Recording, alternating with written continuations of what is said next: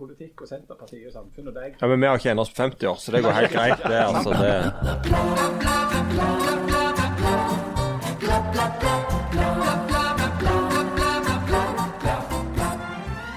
I dag skal vi snakke med en kar i skikkelig medvind. Nei, det er ikke Harald Birkevold, som nå tjener store penger på guida turer i synkeholdet sitt i hagen, men Jærens aller sterkeste mann, Geir Pollestad, som kan gjøre det helt store i høst, nemlig få Bryne opp en divisjon. Og så er det noe ministeropplegg og sånt òg. Hjertelig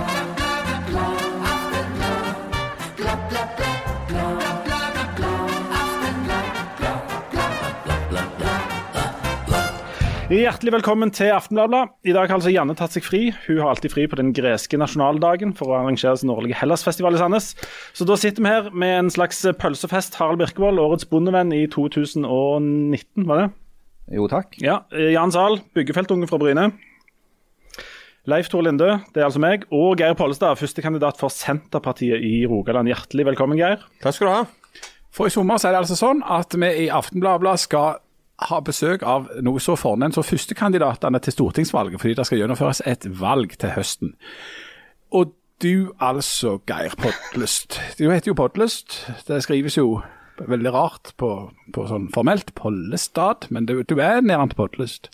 Er du født eller er du gift til Podlest? Du, jeg er født podlyst, men det har seg sånn at eh, selv om podlyst ligger i Klepp eh, så er jeg født rett over grensa inn i Hå kommune, så jeg er Håbu. Altså, det er sant, Du har podlyst for Klepp, og så har du eh, eh, født i Hå, og så bor jeg i Time nå.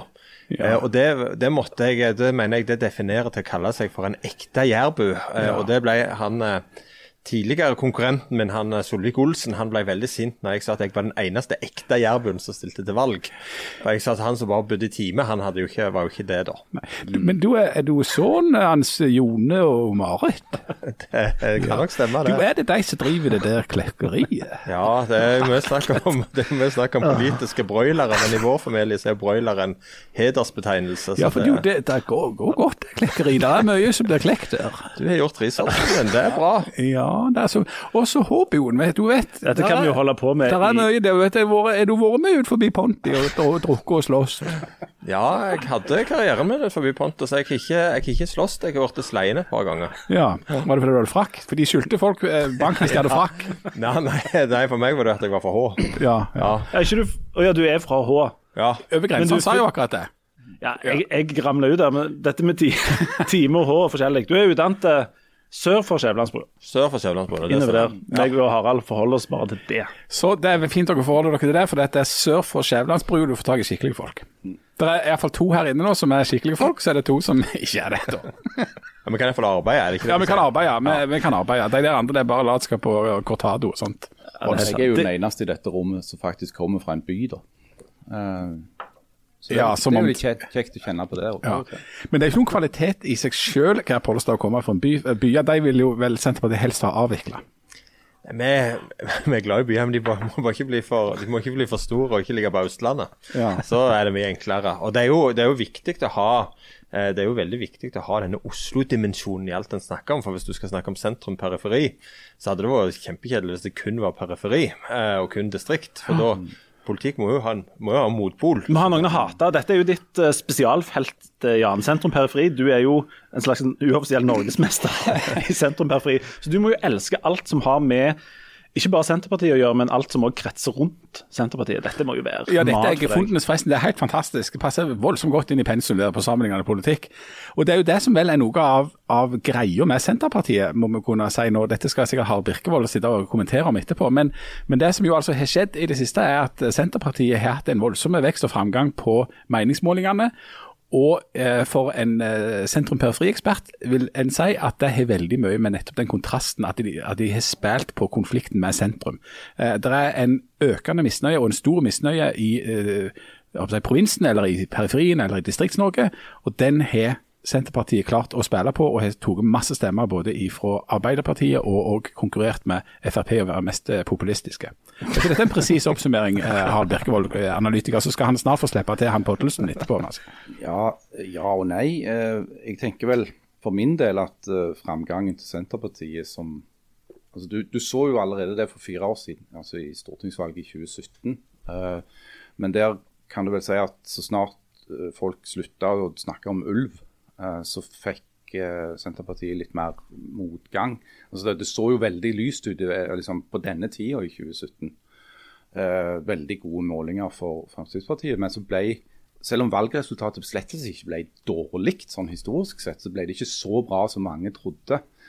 og nå, nå er vi på en måte eh, på det samme stedet, men, men, med en litt annen bakgrunn, tenker jeg. Eh, både fordi at meningsmålingene til Senterpartiet har vært konsistent gode i lang tid. Eh, vi snakker ikke om et blaff lenger. Men òg fordi at jeg tror at det, altså, grunnlaget for framgangen denne gangen er bredere enn f.eks. en sånn ensaksdebatt som gikk på dette med ulv.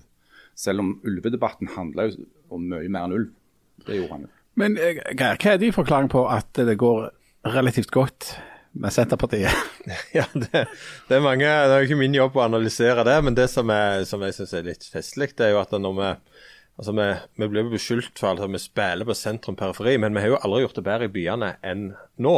Men det er forklaringen på det er vel Jan Bøhler? Så, så, folk i byene òg ser jo altså jeg tror, altså Denne, denne konflikten her, den ligger òg i, eh, i, byene. Eh, og så møter jeg jo veldig ofte folk som sier nå har dere sett inn formtoppen for tidlig. Eh, og nå har de jo sagt det i seks år at formtoppen er for tidlig. Så det Men pessimistene de får jo rett til slutt. Ja, de får rett til slutt. Og så er det en annen gruppe som jeg syns er kjempegøy. Eh, nå tar jeg ikke så mye fly nå som jeg gjorde en periode, men det er de som eh, tar kontakt med meg på flyet. Og så sier de ja, det går bra med Senterpartiet, det er kjempefint. Men tenk hvis dere hadde samarbeidet med Høyre og Frp. Eh, tenk hvor store dere hadde blitt da. Eh, og Da pleier jeg å spørre er det den såkalte KrF-modellen dere anbefaler. Eh, for de, de, som sier dette til meg, da, de har én ting til felles. De er mer opptatt av Høyre enn de er av Senterpartiet. Så, så det, er, det, er som, det, er, mange som, vil Senterpartiet mye, mye godt, men det er òg mange som vil ha oss med. Og Det er jo litt interessant i sånn det har vært de siste årene med forholdet Senterpartiet-Fremskrittspartiet. Altså, Vi har jo dundra på mot Fremskrittspartiet sin politikk, men blir jo møtt med omfavnelse tilbake igjen hele tida. Eh, så det syns jeg er litt eh, interessant. Altså Høyre er jo mer aggressive og argumenterer mot vår politikk, eh, mens Frp de omfavner til dels oss og, og, politikken vår. Men, men allikevel ser vi jo på de som en av våre to største konkurrenter da, og motstandere, og, og der politiske avstand er størst. Men er ikke det litt rart? For altså, Var ikke egentlig Senterpartiet et borgerlig parti, som hørte hjemme da, altså i lag med, med ja, si Høyre og KrF og Venstre, sånn logisk sett, altså sentrum borgerlig. Mens nå har dere mesten altså Dere har iallfall gått over på at det blir tatt venstresideparti. Det, passer det godt med å drive klekkeri og, og, og selvstendig næringsdrivende bonde ute på Jæren? Sosialisme og rødfarge er jo ikke veldig populært der før, i hvert fall. Jeg pleier å si at vi må være dynamiske og ha evnen til å tilpasse oss den eh, tida vi lever i. Ja, det sier altså, altså, sier mi òg, og ja. det funker bare ikke. Eller prinsippløse, som, eh, som er nok Det er ikke alle som mener at Senterpartiet er best på, på det. Nei, men det, det, er sånne ting som har forandret seg litt over, over tid. Og, og, jeg opplever at der altså For min del så er det ikke noe tvil om at jeg ser at vi får til mest i et godt samarbeid med, med Arbeiderpartiet. Eh, og så har vi egentlig lyst til å ha med færrest mulig til andre. Og så får vi se hvordan, hvordan det har vært framover når velgerne har sagt sitt. Jeg vil tippe at en av grunnene til at eh, Senterpartiet mø møter mer altså både motstand og forståelse hos hos eh, Frp, det er at det er en gjenkjennelse der. At det, det er en gjenkjennelse hos Frp-politikere og Frp-velgere i måten en argumenterer på uh, i de to partiene. At uh, mange Frp-ere tror jeg har en slags motvillig beundring for at det er andre partier som, som, argumenterer litt likt, og, og som tør å være spisse. Jo, men så tror jeg også folk, altså folk og velgerne, medlemmene, de tillitsvalgte, er ganske, ganske like. Altså Hvis mm. du tenker på Fremskrittspartiet, du tenker på Senterpartiet sine, og også store deler av Arbeiderpartiet sine folk er liksom litt sånn eh, De har mye til felles. Eh, så jeg tror at eh, f.eks. da at Høyre- og SV-velgere kanskje har mer til felles som, som folk. Mm. Eh, på den sida så har eh, vi og eh, Frp-erne en god del av Arbeiderpartifolka mer sånn felles verdier, eh, felles interesser, eh, lever livet ganske, eh, ganske likt, og, og er jo enige om en del sånne verdisak i, i hverdagen. da. Vi må vel kunne si om, om Senterpartiet at det med god margin er Norges mest reaksjonære parti. da. Dere er jo per definisjon imot enhver form for endring, bortsett fra å endre reformer som allerede er gjennomført. Ja, og det er jo det som er Velkommen til oss. Det er det, jo, men det er jo det som Det er jo måten som vi angrep dette på, eh, som jeg mener er noe av suksesskriteriet med Trygve som, eh, som eh, leder. Eh, for, i, sånn, for en del år tilbake, hvis vi er sånn 2013, og sånn, så var det kommunereform, og det var forskjellig. Og så var det en del Da var det noen da hadde liksom Ja, vi må ikke være mot alt, var liksom holdningen i, i Senterpartiet. Vi må, vi må si ja til Vi kan ikke si nei til tvang. Vi må si ja til frivillighet. Vi må være positive. Folk vil ha positive oppfatninger. Mens Trygve han er jo ikke sånn. Han er, er vi mot, så er vi mot, og da sier vi det. Og så må vi si det på en måte som folk forstår. Eh, og Det har liksom vært grunnoppskrifter hele tida. Og det mest oppsiktsvekkende er at jo mer vi sier nei, jo mer positivt oppfatter folk at vi eh, har Ja, Det illustrerer vel at, at ja, For folk er jo generelt eh, skeptiske til endring. Altså Folk li- liker best at det er omtrent sånn som det er, og, hvis det er, og endring er jo skummelt. sant? Det er det jo for alle. Men hvor er det dere vil tilbake? Er det 50-tallet, er det 70-tallet, eller er det liksom når det var rød-grønn regjering på 90-tallet? eller Hvor er det dere vil tilbake hen? Nei, vi, vi ønsker å ta vare på en del av de gode verdiene som har vært i Norge, eh, og som jeg tror mange setter pris på.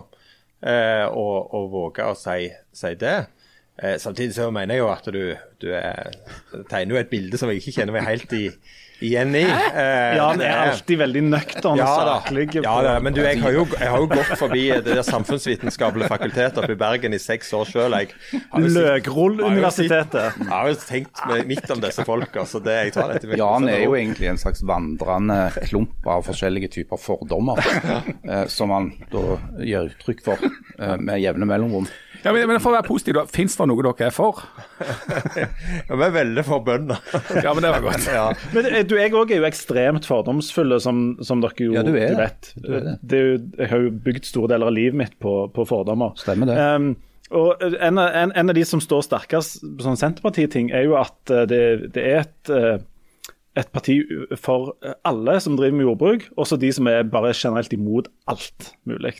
Eh, Men det er jo ikke nok bønder til å, å gi Senterpartiet 17 eller 16 eller 15 på meningsmålinger. og sånt. Dette partiet må jo da appellere til noen andre òg, gjør det ikke det, Harald? Jo, helt åpenbart. Eh, og det som jeg tror, for oss være litt alvorlige, da, oh, er en grunn til at eh, et parti som Senterpartiet nå gjør det bra, det er jo at det er en, det er en trend. Det er noe som skjer. Eh, og En av de tingene som skjer, er at eh, ganske mange velgere vender seg vekk ifra eh, de tradisjonelle styringspartiene, fordi at de ikke er fornøyde med den retningen samfunnet tar. Ja, det, er jo, Norge er jo i ferd med å gå i grøfta. Det som, er, det sånn- som er i ferd med å skje, er at mange, med, tror jeg, med, med, og de har rett i det, føler at mye av politikken har fått fjerna seg for mye fra folk sitt liv. Altså det de ser rundt seg. Og handler mer om uh, prinsipper som de ikke helt klarer å forholde seg til. Jeg jeg tror jo at eh, norsk politikk jeg synes norsk politikk fungerer ganske bra. Hvis en tenker sist eh, lokalvalg, hvem var det som gjorde det bra da? Jo, da gjorde bompengelista det bra, og så gjorde eh, Senterpartiet det eh, bra. Eh, det var de to store eh, vinnerne. Hva skjedde da? Jo, eh, etter det så ble plutselig er alle andre parti eh, mer opptatt av å snakke om distrikt og landbruk og den type Altså de prøvde å ta inn det. Og så ble det jo litt sånn opprør og runder rundt, og så var vi litt mindre for bompenger i alle andre parti. Og så, og så løste dette seg på et vis, og så, og så går en videre. Og noen sier liksom at å, det var eh, ekstreme utslag i valget, men det var jo ikke det. Det, var, det hadde blitt for mye av noe, og det hadde blitt for lite av noe. Og så reagerte velgerne. Og så justerte en på sett og vis eh, eh, kursen eh, noe. Så det er jo eh, Jeg syns det er veldig sånn Norsk politikk er jo egentlig veldig skikkelig. Når liksom Det mest crazy som kunne skje i sist valg, var at Senterpartiet og bompengelista gikk fram. Eh, så tenker jeg at da kan vi eh, Da trenger vi ikke sammenligne oss med land lengre sør i Europa eller øst i Europa, som enkelte, enkelte gjør. Men, men det er jo en, en slags global trend, eh, dette Hvis Janne Stigen Drangsvold hadde vært, så hadde du kalt det for narrativet. Eh, eller altså Det bildet av at politikken har fjerna seg fra folk flest, og at det er et sånn folkelig opprør som gir seg utslag på, på, mange forskjellige måter. Og Der en del politikere da eh, sier at nei, vi representerer folket. Og, og, Det som står på Senterpartiet sine nettsider, er at en vil da bygge samfunnet nedenifra, og, og slagordet er 'nær folk' og, og, alt det der. Eh, det var en borte i Amerika som var president i fire år nå, som, som påsto å representere folk og tok for seg på en måte, eller som skulle ja, av merkelige grunner da være, representere folket. Um, men det å, å, gå til valg i et stortingsvalg og søke makt, det er jo å drive med politikk ovenifra. Um, så, så, så, det må jo være en vilje til å drive politikk og skape samfunn ovenifra, hvis dere vil inn i regjeringskontoret? Ja, absolutt. Vi har jo lyst til å påvirke, til å påvirke Norge. og, og eh, vi mener jo at liksom, nasjonalstaten og uh, den biten der er jo veldig viktig for enkeltindividet sin, sin frihet og sine rettigheter. og Det er jo er liksom grunnleggende i, uh, i, politikken. Men så, så, er det sånn veldig Det er en uh, krevende uh, vekselvirkning det der altså vokse med å få flere medlemmer, du får flere velgere, og så skal du samtidig på en måte ta vare på identiteten din. Så Det, det utfordrer en av de tingene som jeg har sagt flest ganger, både i sånn ekte til våre egne folk og på Teams og den type ting, er at når partiet blir større, så må vi være rausere med hverandre. Eh, da, da, må vi kanskje akseptere hun som kun tar ei kjøttkake til lunsjen, eh, og ikke fire. Nei, det, eh, og, og kanskje til og med blande inn litt linser. Det vet jeg ikke. nå begynner du å nærme deg en grense. Men vi får se. Nå syns jeg vi skal være veldig veldig forsiktige. Det der med å blande linser og kjøttkaker, det er altså, Kan det faktisk komme på tale at vi ser konturen av et, frem, et, et Senterparti som har kjøttfri mandag? Nei, det altså, Kan vi komme så langt? Nei, men vi kan nok få et Senterparti som sier at på tirsdag har vi pannekaker. Ja. Men da har vi ofte, bacon. Da bacon, bacon og potet attåt. Ja, selvfølgelig. Ja. Det er jo ikke middag hvis det ikke er potet. Det er ikke middag, men det skal, være, det skal være potet her. For det, det, der Ikke sant? Du tror jeg er den første som jeg har snakket med i livet mitt som fyller opp vår tradisjon med å faktisk ha potet til pannekaker og bacon. For det skal det være, ellers er det ikke middag. Ja, og pasta nei, nei. med potet, det har jeg vokst opp med. Selvfølgelig skal det være potet. Hva med, med kumle og potet? Er det å gå for langt? Nei, det er selvsagt. I den, eh, i den høylandske, podleske eh, kumlegryta så var det én potet per kumle. Akkurat. Ja, det. for det er jo noen kjettere, avvikere, som sier jo, men kumler er jo potet. Ja, ja. Så du kan ikke ha potet til potet. Nei, jeg mener at de har misforstått. Da har de ikke forstått noe som helst. Men jeg, jeg syns det er en brannfakkel at du må ha én potet per kumle. Det syns jeg er Den der potet-kumle-ratioen der, den har ikke du lært om kostsirkelen? altså det, det, regnestykket der den, det er, Det må kun være Senterpartiet sin egen kostsirkel som godkjenner ei kumle og ei potet. Og, og, så prøver dere her å framstille som sånn nasjonalistisk og liksom konservativ og sånt. Poteter importert. Sør-Amerika. Ja, det er sant. Og det er, siste, og det er vel den siste importen dere var for? det kan godt være. Det det? Jo, det er nok det. På min utallige reise i Bolivia kan jeg fortelle om at de har enormt mange forskjellige potetslag der i mange slags farger, så det er veldig interessant. Men du, hvis det skulle bli sånn at dere skulle havne i en slags maktposisjon, da vil dere jo komme til å måtte regjere med eh, sånne urbane folk fra f.eks. Arbeiderpartiet som driver både, både med cortado og, og elsparkesykler, altså sånt rør. Eh, hvordan skal det gå? Nå har vi jo trent, og vi fikk jo inn Vi, vi lykkes jo veldig godt på overgangsmarkedet og fikk inn han eh, Jan Bøhler. Eh, det må det var han, er fri... en, han, han, er jo ikke så hard på cortadoen, tror jeg. Nei, men han var, en, han var en bossmann-politiker der som var ledig. Det var en fri transfer. Ja, ja som det tok han. Og han har jo lært oss, eh, han har jo lært oss litt, han. meg og Jan Bøhler har fremma representantforslag om elsparkesykler. Ja, det var, var mot for, å forby de da? Ja, vi, var, vi vi har litt mer regulering. Ja, altså, ja. Men vi, vi var nok ikke helt enige om alle detaljene i det forslaget der. Men, men, men, uh, men uh, vi, vi, lærer litt av det, så jeg tror det går veldig, veldig bra. Og så, og så tror jeg nok òg at i, i, både i Senterpartiet så må vi liksom leve med denne bybygde dimensjonen og konflikten og kulturen. Og det gjør det jo internt i Arbeiderpartiet òg. Det finnes jo faktisk folk i Arbeiderpartiet som har middag halv tolv. Ja, det, men det er veldig få. Nei, nei, om dagen. Ja. Og det er middagstid. Men, men, men, er, er, det, er det det som er mellommat, eller hva er det som er mellommat, egentlig?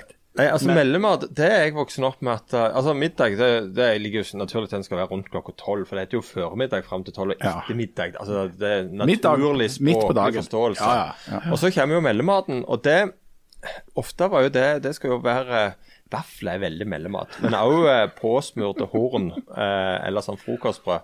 Ost, skinke, tomat, agurk. Eh, Farse i brød, og hva er det? Er det mer frokost? Eller? det er når du går på skolen. Ja. Eh, På vei til skolen, eller, eller i lunsjen på skolen? Lunsjen på skolen. ja, og, og i byggebransjen er det var en del Ja. av det. Men, ja. men du, nå sauser dere dere vekk. fordi at det, det var et spørsmål her som for elegant får oss tilbake igjen. Det er jo ingen, det er jo svært få i, ja, i SV da, i ytterste konsekvenser har ei, ei potet per kumle, f.eks. Altså, dere får jo noen utfordringer med disse her um, folka. Hva, er det dere um, kommer til å slite mest med? For dere får jo neppe regjeringsmakt helt alene, selv om du jo drømmer om det. Um, så må dere ha noe med dere. Arbeiderpartiet og kanskje noen som er enda rødere enn de. Hva blir eh, de største utfordringene for dere med å holde fred om bord med de? Jeg tror sånn Hvis du ser på politiske saker Vi, vi satt jo i en rød-grønn regjering, eh, og det er nok litt av bakgrunnen til at vi nå sier at vi vil ha en eh, Senterparti-Arbeiderparti-basert eh, regjering. Eh, litt erfaringene der. Og det er klart dette her med bruk, vern, eh, typisk. Rovdyr, eh, veldig vanskelig eh, sak. Eh, Olje? Oljeindustri? jo, men der tror jeg Altså, der er vi Der ligger flertallet veldig stødig. Og, og samme hvordan en regjering er, om det er en flertallsregjering, det er en mindretallsregjering, så vil flertallet på Stortinget ha en innvirkning. Altså, tyngdekrafta virker. Det kommer liksom noen, noen utslag at, at det er ett lite parti liksom kjemper gjennom noe som ikke er, eh, er flertall for på Stortinget. Men, men jeg tror litt av erfaringene for denne perioden er at eh, vi skal ha litt respekt for eh, standpunkter og velgerne og sammensetningen av Stortinget, og så utforme politikken forbi, innenfor der. Men, men det er klart òg ting som går på innenfor klima, så er det noen som tenker at nå, vi, nå skal vi reise kollektivt. Ja, Da må vi bygge tett, da må vi bygge langs kollektivaksene. Hva betyr det? Jo, det betyr at vi må bygge ned matjord. Eh, så da har du en sånn konflikt, klassisk konflikt. Og så tenker vi ja, men kan ikke folk bo i Kan vi ikke bygge litt i Oltedal? Om de i Oltedal kjører litt dieselbil ned til Forus for å jobbe, sånn, det, det tåler vi nok. Så det er sånn kan vi holde på. Ja, for, det, for det, noen, det må jo være noen grenser altså, for hvor langt dere kan gå. Altså, det vil være grenser for SV, hva de kan være med på. Det vil måtte være grenser for, for dere for hva dere kan være med på.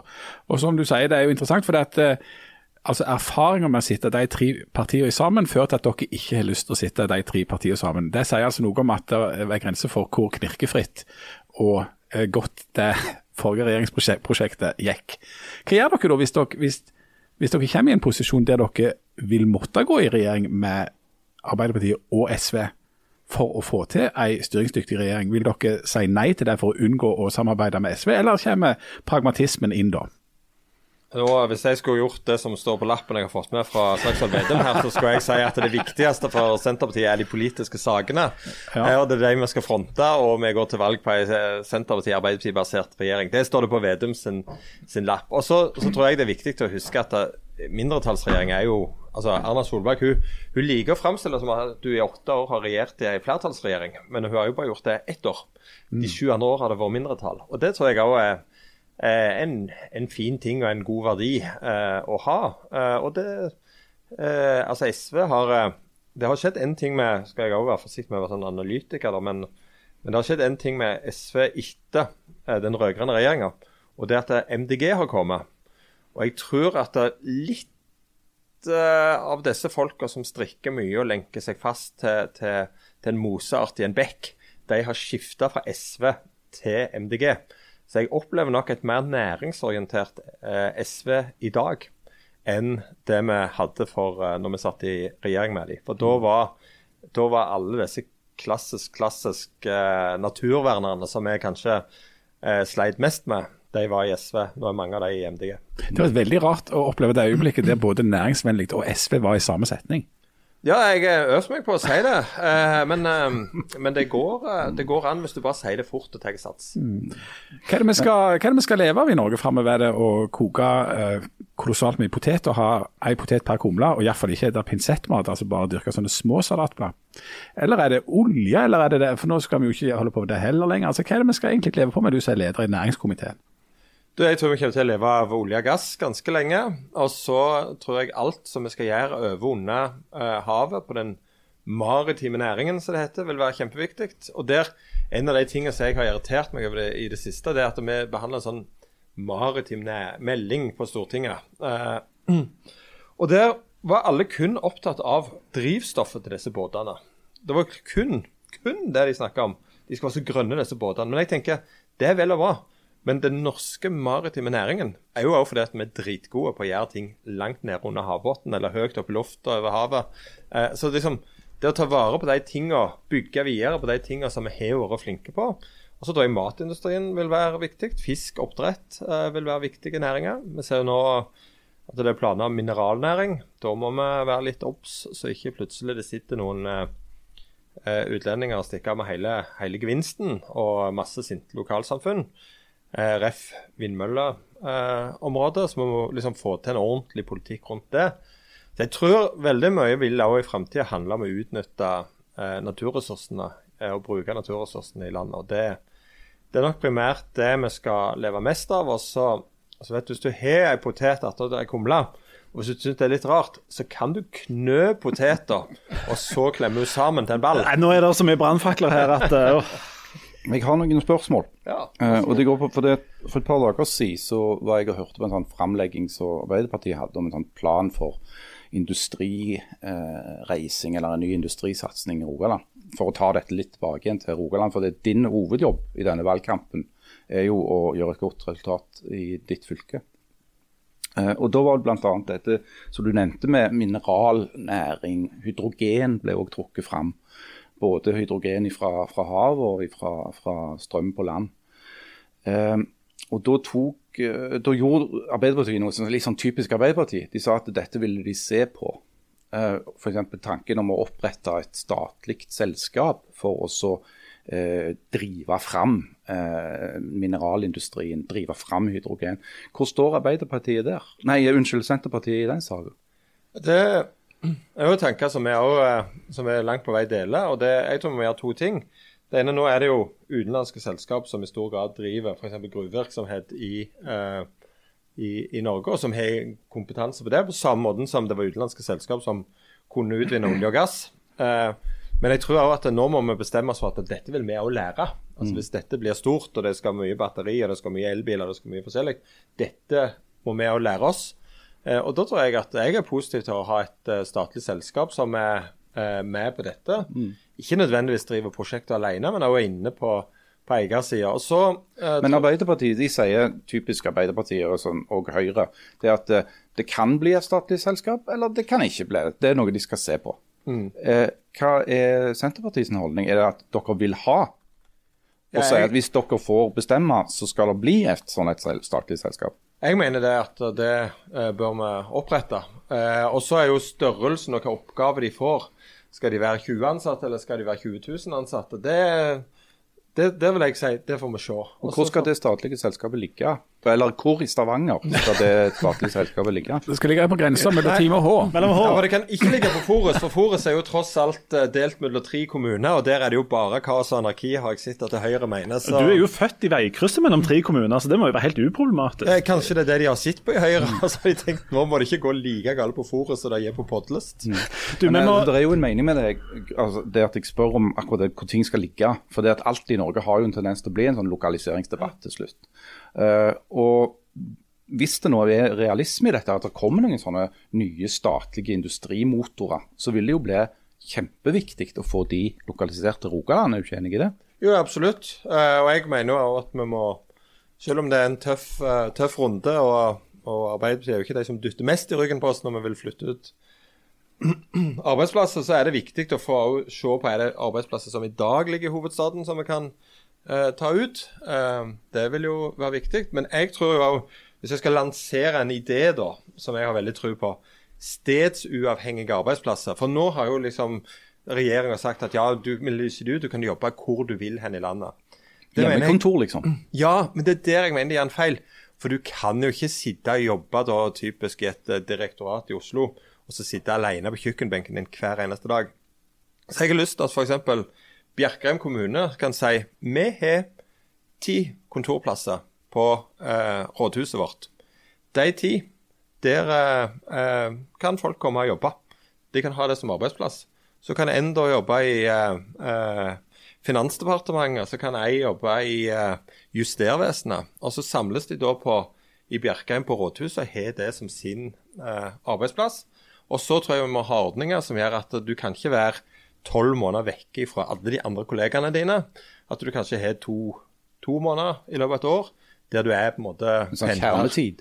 Ja, der, ja, kjernetid der du er fysisk til stede. Om det er en dag i uka, eller om det er hver fjerde uke, eller altså sånne modeller. Jeg Kan, kan det være et virkemiddel for å få færre statlige arbeidsplasser ut i distriktene? tenker du? Ja, eh, men jeg tror at den tanken som er nå, at du bare skal liksom sitte på kjøkkenbenken, den går ikke an. Du må ha en eller annen sånn forpliktelse at det jo du, og, og når du ser på prisen per kontorplass inne i Oslo eh, for det nye regjeringskvartalet, så er det klart at eh, hvis du klarer å flytte en ansatt fra Justisdepartementet til Vikeså, eh, så har du ganske god startkapital for oss å handle kontorpult til, til den personen. Den kan du kjøpe på Vikres, tror jeg. Og så må du jo ha ei kantine. fordi eh, de eh, På torsdagene så må jo folk ha kumle og eventuelt og potet på sida. Så du må ha en sånn samlingsplass. Du, men, men skal ta en bitte liten pause. Så er vi øyeblikk tilbake med flere kumlerelaterte brannfakler. Og så skal vi snakke litt om Geir Pollestad sin grønne caps. Vi er øyeblikk tilbake.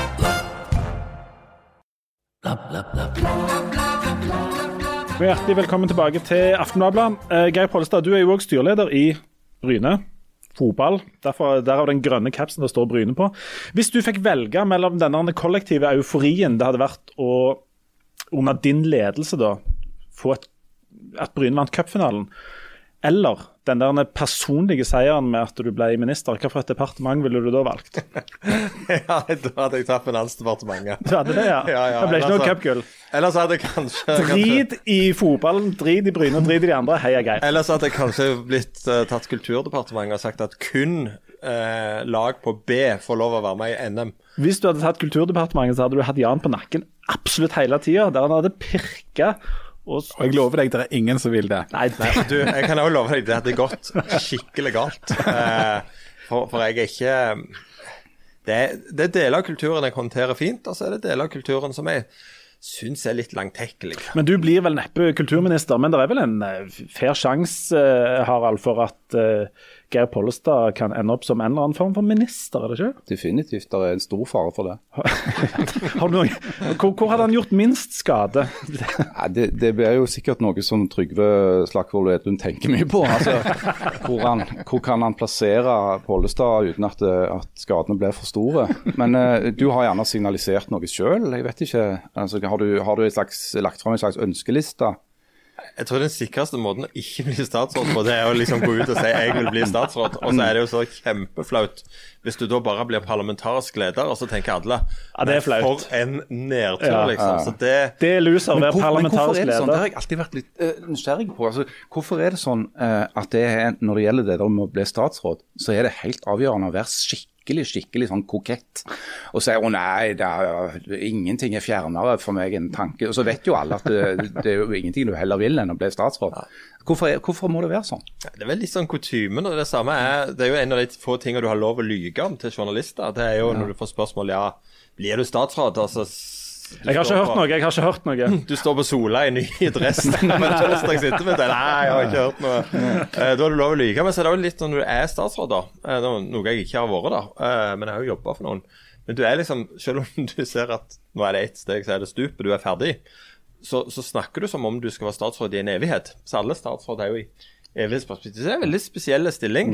Eh, Men jeg tenker jo at det må være lov å si at det hadde vært hyggelig å bli spurt om å Men, være statsråd. men hva, for, hva, for, hva for noen plasser kunne du tenkt deg? Ja, altså, hvis- hvis vi ser litt på CV-en din, så har du altså vært politisk rådgiver og statssekretær i Kommunal- og regionaldepartementet, Olje- og energidepartementet, Samferdselsdepartementet, og nå er du altså leder av næringskomiteen. Så det er på en måte det er de harde, hardcore, svære departementene du har vært mest blanda borti. Ja, så, og så er han jo òg jurist, så han kan jo også bli justisminister. Ja, ja, ja, ja. Det har jo veldig, det, det har veldig mye sånn at uh, den politikken jeg har jobba, det er sånn politikk som til slutt ender opp i en gravemaskin. Uh, det, det er jo veldig sånn prega at det er litt sånn harde ting. Uh, og det, det er en ting som jeg jobber litt med sjøl òg, at jeg nå må, liksom, må ha fokus på kultur, på helse, på utdanning, den type, type Du må rett og slett begynne å kjenne litt på de myke sidene dine, Geir. Må det. Men så er det også som eh, når jeg da drev og hoppet litt rundt som statssekretær og politisk rådgiver. Det var, det var mye skifte. Uh, så jeg tror når jeg hadde sånn fjerde skifte på, på et uh, halvannet år, da, da spurte far min kan du ikke brukes noe, du?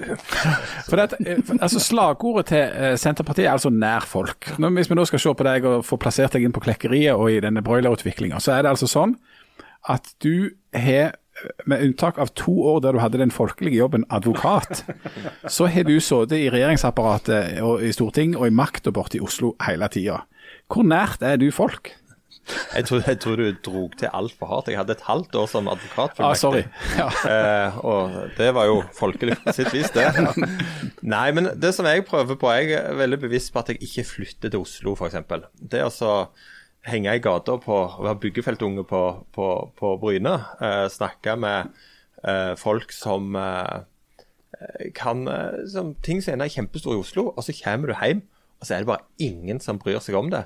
Det, ganske, det syns jeg er ganske OK. Og så, er det litt sånn en, et behov for å eh, holde denne eh, nærheten til det lokale som gjør at jeg òg prioriterer å sitte i kommunestyret. Eh, da er det vann og avløp og byggesøknader og den type ting som jeg syns er også viktig. Eh, og så litt sånn fotball og forskjellig sånn òg, som en prøver å engasjere seg i. Fordi at en skal liksom En, en vet Hva skal jeg si? En har en legning for å bli sånn som en ikke har lyst til å være. Mm. Eh, og det hender jo mange ganger at jeg tenker Tenk hvor fantastisk å være politiker kun hatt seg selv å tenke på. Kunne bodd i Oslo, sagt ja til alle seminarer og alt som en har lyst til. Men en hadde jo bare endt altfor mange dager på pub og altfor mange buffébord og ikke hatt noe bra liv, tror jeg. Eh, sånn at eh, jeg er veldig glad for at eh, en hver dag liksom trekkes litt mellom dette å være hjemme, det å måtte være med familien, det å være i lokalsamfunnet og det å ha den jobben som en jeg må si at I alle åra har jeg tenkt at jeg har for lite tid. Men, men hvor tid og hvordan ble du interessert i politikk? Ja, det henger, Da er vi tilbake veldig klassisk. For uh, eh, 78-generasjonen i uh, Senterpartiet er ganske mange. Og jeg tror det for veldig mange handler om EU-saken i 1994. Uh, så meldte jeg meg inn i Jeg leser de fleste partiprogrammer utenom Høyre og Arbeiderpartiet sitt. De var så mye for ja for EU, og jeg likte ikke Gro. Eh, så, så, da leser jeg litt i de andre partiene, og så tenkte jeg at nei, det får bli, bli Senterpartiet. Så var jeg ikke noe jeg har ikke noen planer om å være noe aktiv, men så var det en lokallagsleder i daværende Nærbø Senterparti eh, som ringte til meg og spurte du har du lyst til å reise på et kurs i Senterungdommen. Det, Nesbyen det var jo eksotisk og fint, så jeg sa ja, jeg. Eh, der traff jeg en type med litt hår og en rar latter og forskjellige andre gode folk, og, og trivdes egentlig ganske bra. Så sånn starta det. Det var det slagsmål, det? Det var han. er, du, er, du, um, er, du, styrleder i, i Bryne av taktiske årsaker?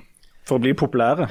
nei, det, da tror jeg jeg ville gjort noe annet. Jeg tror jeg ville gjort noe annet. Uh, nei, det, det, er nok mer et sånn utsagn av manglende evne til å si nei, altså. Uh, og så er det liksom når du har standa Jeg mest var på hver kamp siden 87-88. Uh, det har vært vondt noen ganger, og sånt, og du har jo stått på tribunen og hatt så sterke meninger om de idiotene inne på klubbhuset og alt de har gjort feil i alle åra.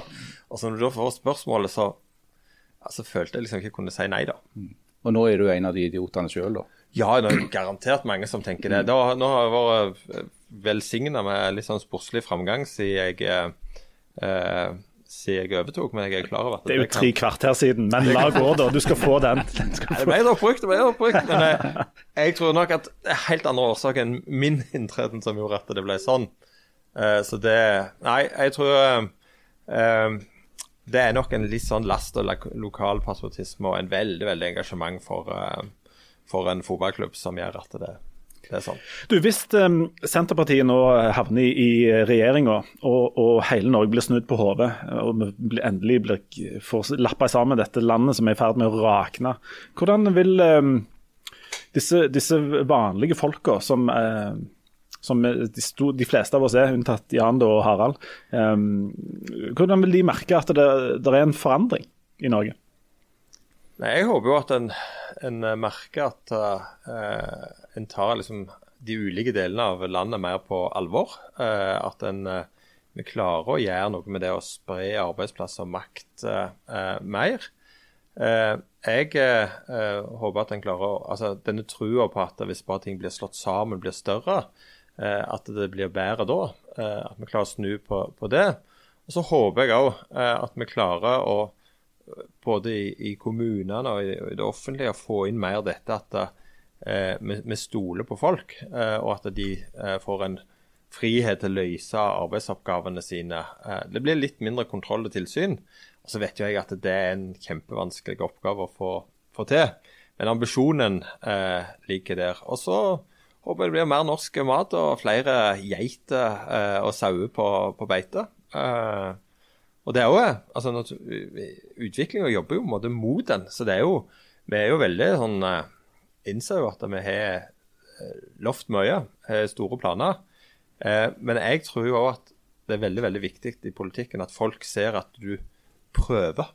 Og at du prøver på ekte eh, å jobbe mot de målene. Og noen ganger så går en på trynet og får ikke til det en Eh, mens andre ganger så får en suksess. Så jeg, jeg håper jo at skal være sånn, at den nye regjeringa skal være litt sånn ærlig regjering. Det er én ting jeg aldri har forstått med Senterpartiet, og det er Det går akkurat på dette med vekst og vern. Eh, for det, jeg, jeg, forstår jo hva partiet sier. En ønsker å ha mer lokal beslutningsmyndighet når det gjelder å kunne ja, bygge en vei eller uh, altså, ødelegge noe natur. da, for det at, Men tross alt driver jo med uh, næringsvirksomhet i distriktene, og da må ikke bare alt kanskje være verna. Den skjønner jeg. Men så når det gjelder jordvern, så er jo Senterpartiet veldig på at jordvernet må stå sterkt. og Nå har det jo akkurat vært en sak på Kalberg i time eh, hvor, hvor, kommunestyret med knappest mulig flertall gikk inn for oss å bygge ned mye eh, jord for å bygge et datasenter og annen kraftkrevende industri der. Men hvordan kan det ha seg at jordvernet skal ha så, så sterkt vern, mens andre typer natur ikke skal ha et like sterkt vern? Ja, men Problemet i dag er jo at uh, alle andre typer, enten det er friområde eller uh, lauvskog eller uh, kulturminne eller gravminne eller hva det måtte være, har jo et sterkt vern. Mens løsningen blir ofte at en tar den dyrka marka. Så det vi ønsker å gjøre, er jo at vi ønsker å løfte opp vernet og, og, og verdien av matjorda mer. Mm. Så, men dere betalte jo den saken da på, uh, i tiden. Jo, men, der, men, så tror jeg at en av de tingene som, som, jeg er litt fornøyd med, som jeg tror jeg har bidratt med i Senterpartiet, det er at før var han også på jordvern veldig med at det lokale var viktig. Eh, mens nå er det en aksept i partiet for at matjord er en nasjonal ressurs og må forvaltes nasjonalt. Så vi har på en måte gått ifra at ja, nå må vi ta hensyn til lokaldemokratiet, til at jordvernet er faktisk viktigere enn eh, lokaldemokrati. Ja, men dere tapte jo den saken. Ja, vi tapte den uh, saken der, men ja. vi, har jo, uh, vi, vi, kommer nok til å Eller vi, det er en av de tingene, tingene, vi vil gjøre, at kommunene vil få mindre frihet til å bygge ned dyrka mark når mm. vi kommer i regjering. Ja, Så dette er et eksempel på at uh, kommunene skal få mer frihet, men ikke akkurat på det området? Det er helt rett. Mm. Oi, oi, oi. Du, um, det, det alle jo sitter og lurer på nå, det er jo når du er borte i Oslo, du er det, det store deler av, av tida likevel, selv om du bor på Rosseland som jo er der jeg også kommer fra um, for øvrig.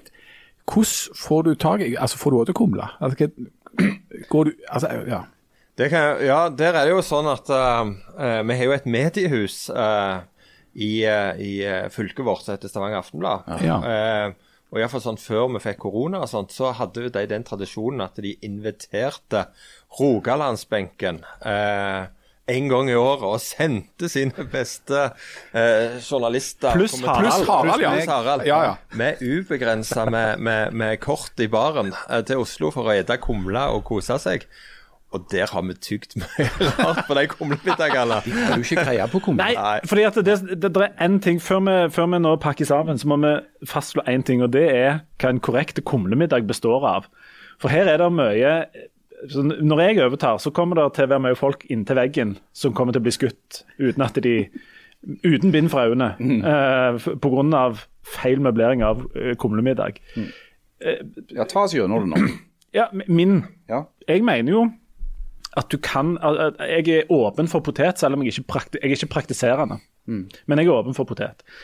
Jeg mener at det ikke skal være uh, gulrot der kan, Jeg mener at Du tenker på Stappa? Nei, jeg, jeg er åpen for gulrot i, i Stappa. Jeg vet der er du eh, Det nokså har ingenting i Stappa å gjøre. Men jeg ser at det er noen som koker gulrot og har på sida Nei, det, det mener jeg Rett opp mot muren. Ehm, sukker og sirup, det så mener jeg er, er der er jeg så på litt sånn Saudi-Arabia-linje at du hogger av de i eh, hånda. Ja. Og hvis de tar ketsjup, da hogger vi av de i hodet. Og jeg mener at det skal være skydd i noe slags valør. Kumle og stappe, og ikke så mye mer. Men Skal eh, kjøttet være fra en gris eller en sau? Ja, det skal være begge deler. Sau, helst rullepølse, øh, sau. øh, og så kan det òg være baconrelatert. Eller sånn trimmings. Ja, skal det være bacon? Skal det være trimmings? Det skal helst være trimmings, for Ja. bacon det er litt for, litt for fint. Synspunkter? Jo, jeg tenker at denne stappegreiene Hvis du er kålrabistappa, så må du òg ha ei kålrabi på sida. Eh, Nei, jo, jo. Dobbel. At du har både stappa og kokte kålrabi? Ja, og så er det alltid gulrot oppi kumlegryta. Men det er jo ingen i familien som spiser det, så, du- så du bør bare liggende der. Ja, du, men, Hvorfor? Du kan hvorfor? på bordet. men er det en slags kraftaktige greie du bruker gulrot til? Du- Det er bare at drikker mor, jo ikke mor mi det. Så Du drikker jo ikke søe fra kumlene. men hva skal, men hva, når du snakker om drikke, hva skal du drikke til? Eh, jeg mener at det da skal være surmelk. Ja, Altså kulturmelk. Ja. Jeg drikker jo ikke kulturmelk sjøl, men jeg er veldig for at Det er jo ikke du i kulturavdelingen. Det er altså veldig godt med rød saft etter kumle. Det, det vil jeg slå slag for. Men kulturmelk går òg an. Ja. Også, Men pølser er viktige. Ja, pøl, ja, jeg glemte jo selvfølgelig pølser. Ja, altså. selvfølgelig skal det være pøls- pølser. Skal den være fin eller grov, den pølsa? Den skal, være, den skal det være mye rart i, så den skal være litt, den skal være litt grov. Ja. Ja. For det er en ting jeg gjør av og til når jeg får nok av å være fra Stavanger og sånt. Så uh, setter jeg meg i bilen, så kjører jeg ut til Klepp, til Edestova, til Haaland. Så spiser jeg blodkumle. Hvor, hvor står du i spørsmålet om blodkummer? Du, jeg, er, jeg, er, det, det, jeg er ikke fin på det på sånne andre ting, men akkurat det med blod Jeg har jo aldri hele mitt liv spist ei blodappelsin, for jeg syns det er ekkelt. Eh, Du vet at da- det ikke er faktisk blod Ja, i de appelsinene? Det lærte jeg jo når jeg var 30, men det er helt uaktuelt. Og blodkumle er bare helt no, no. Så alt sånn blod, blodmat, det er jeg veldig, veldig dårlig på. Blodkumler er så grævlig godt. Nei, der, der setter jeg jo grenser. Men det skal jo være litt blod i kumla òg. Altså når du rasper Altså fra fingrene. fra fingrene. Det skal være på et gammelt jern, og når du rasper potetene, da, så skal, der, skal du raspe så, legge såpass i det at det kommer bitte litt blod. Og det er der, det er der hemmeligheten ligger. Men nå nærmer du deg noe som er livsfarlig her. For nå nevner du selve, selve djevelen, nemlig kumlemjølet. Er det lov å lage kumle av kumlemjøl? Og det vil jeg si at det blir ganske god kumle Ja, sta, altså det der som kommer fra Stangeland mølle, Ja, lokalprodukt. Ja. Det, er, det, er, det, det er, faktisk bedre enn du skulle tro. det, det er bra. Ja. Men hva er det lagd av? Er det lagd av potet eller mjøl? Det, det er jo poteter og byggmjøl, sånn som det skal være. Ja. Det er lagd av eksperter, rett og slett. Så kan Ja. dette. Det, det, jeg er faktisk helt åpen for å bruke det, det møl. Ja, jeg òg faktisk. For jeg begynte med det på hytta, for det, var litt sånn langt å gå og vanskelig å bære opp så mye poteter og sånn. Og så fant vi ut at, at det er jo Jeg tror det var mor mi som var den første som på en måte torde å si det. Ja, Det er, jeg satt og så sa hun ja, de er ikke så galne, de der kumlene der, altså. jeg, jeg, jeg er velsigna med at, at mine unger var Oldemødre det er jo et fantastisk konsept. og En gang så serverte jeg kumle til deg, og de satt og åt og koste seg. og Det var jo ikke måte på hvor godt dette var. Så kom temaet opp. Har noen av dere prøvd sånn kumle og sånn kumlemjøl? Så sier jeg nei, det vet du. Det går jo ikke an. Nei, det måtte være skikkelig kumle sånn som disse. Eh, du kan jo tippe hva som lå i, i søpla.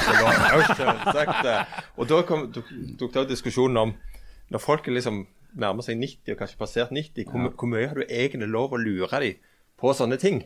Eh, og jeg tenker at det er innafor. Ja, jeg òg. Altså, de skal snart dø, og, og sånn. De trenger ikke ta med seg disse traumene i graven. Altså, det, de kan leve i uvitenhet om det.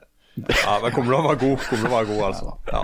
Ja, Det synes jeg var flott. Du, um, da, da takker vi for besøket. Um, vi kommer jo sikkert til å se mye til deg i musikkvideoene til Jan Bøhler og, og forskjellige innslag i, i fjernsyn. Sånn. Er, Går er, sånn, inn og ut av sånne svarte limousiner. ikke Sånne sant? ting. Er, er, er valgkamp noe du ehm, liker, ser fram til?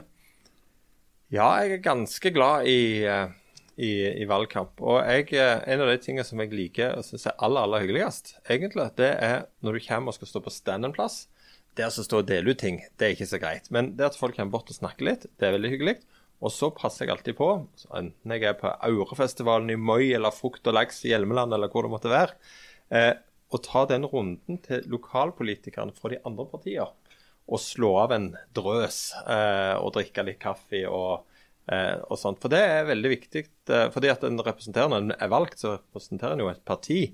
Men jeg tenker jo òg at det skader jo ikke at en Høyre-mann på Karmøy eller en KrF-er i Sokndal tenker at den der Pollestad, han er en OK type.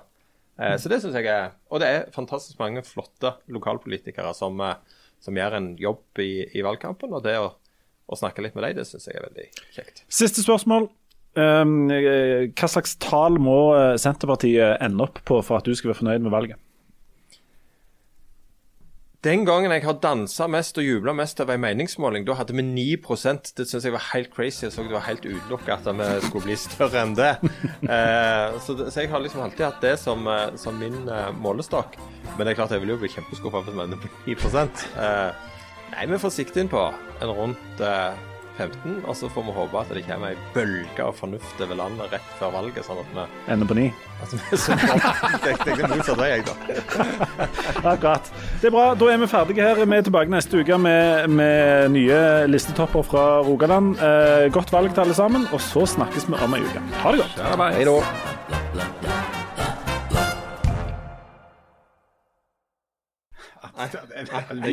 Kjør forsiktig forbi, for det at alle skal få Det er sånn også. Nei, men jeg har fått et par tresko med Cushion på. Det setter ikke kona mi pris på.